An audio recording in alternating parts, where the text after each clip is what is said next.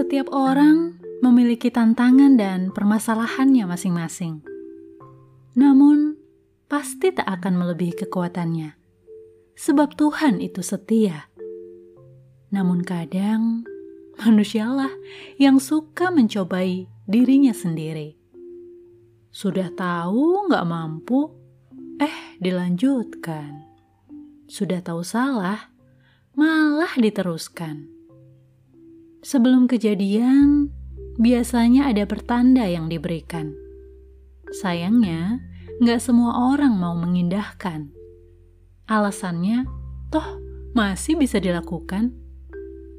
Nanti kalau sudah kena batunya, barulah berhenti. Syukur kalau sadar.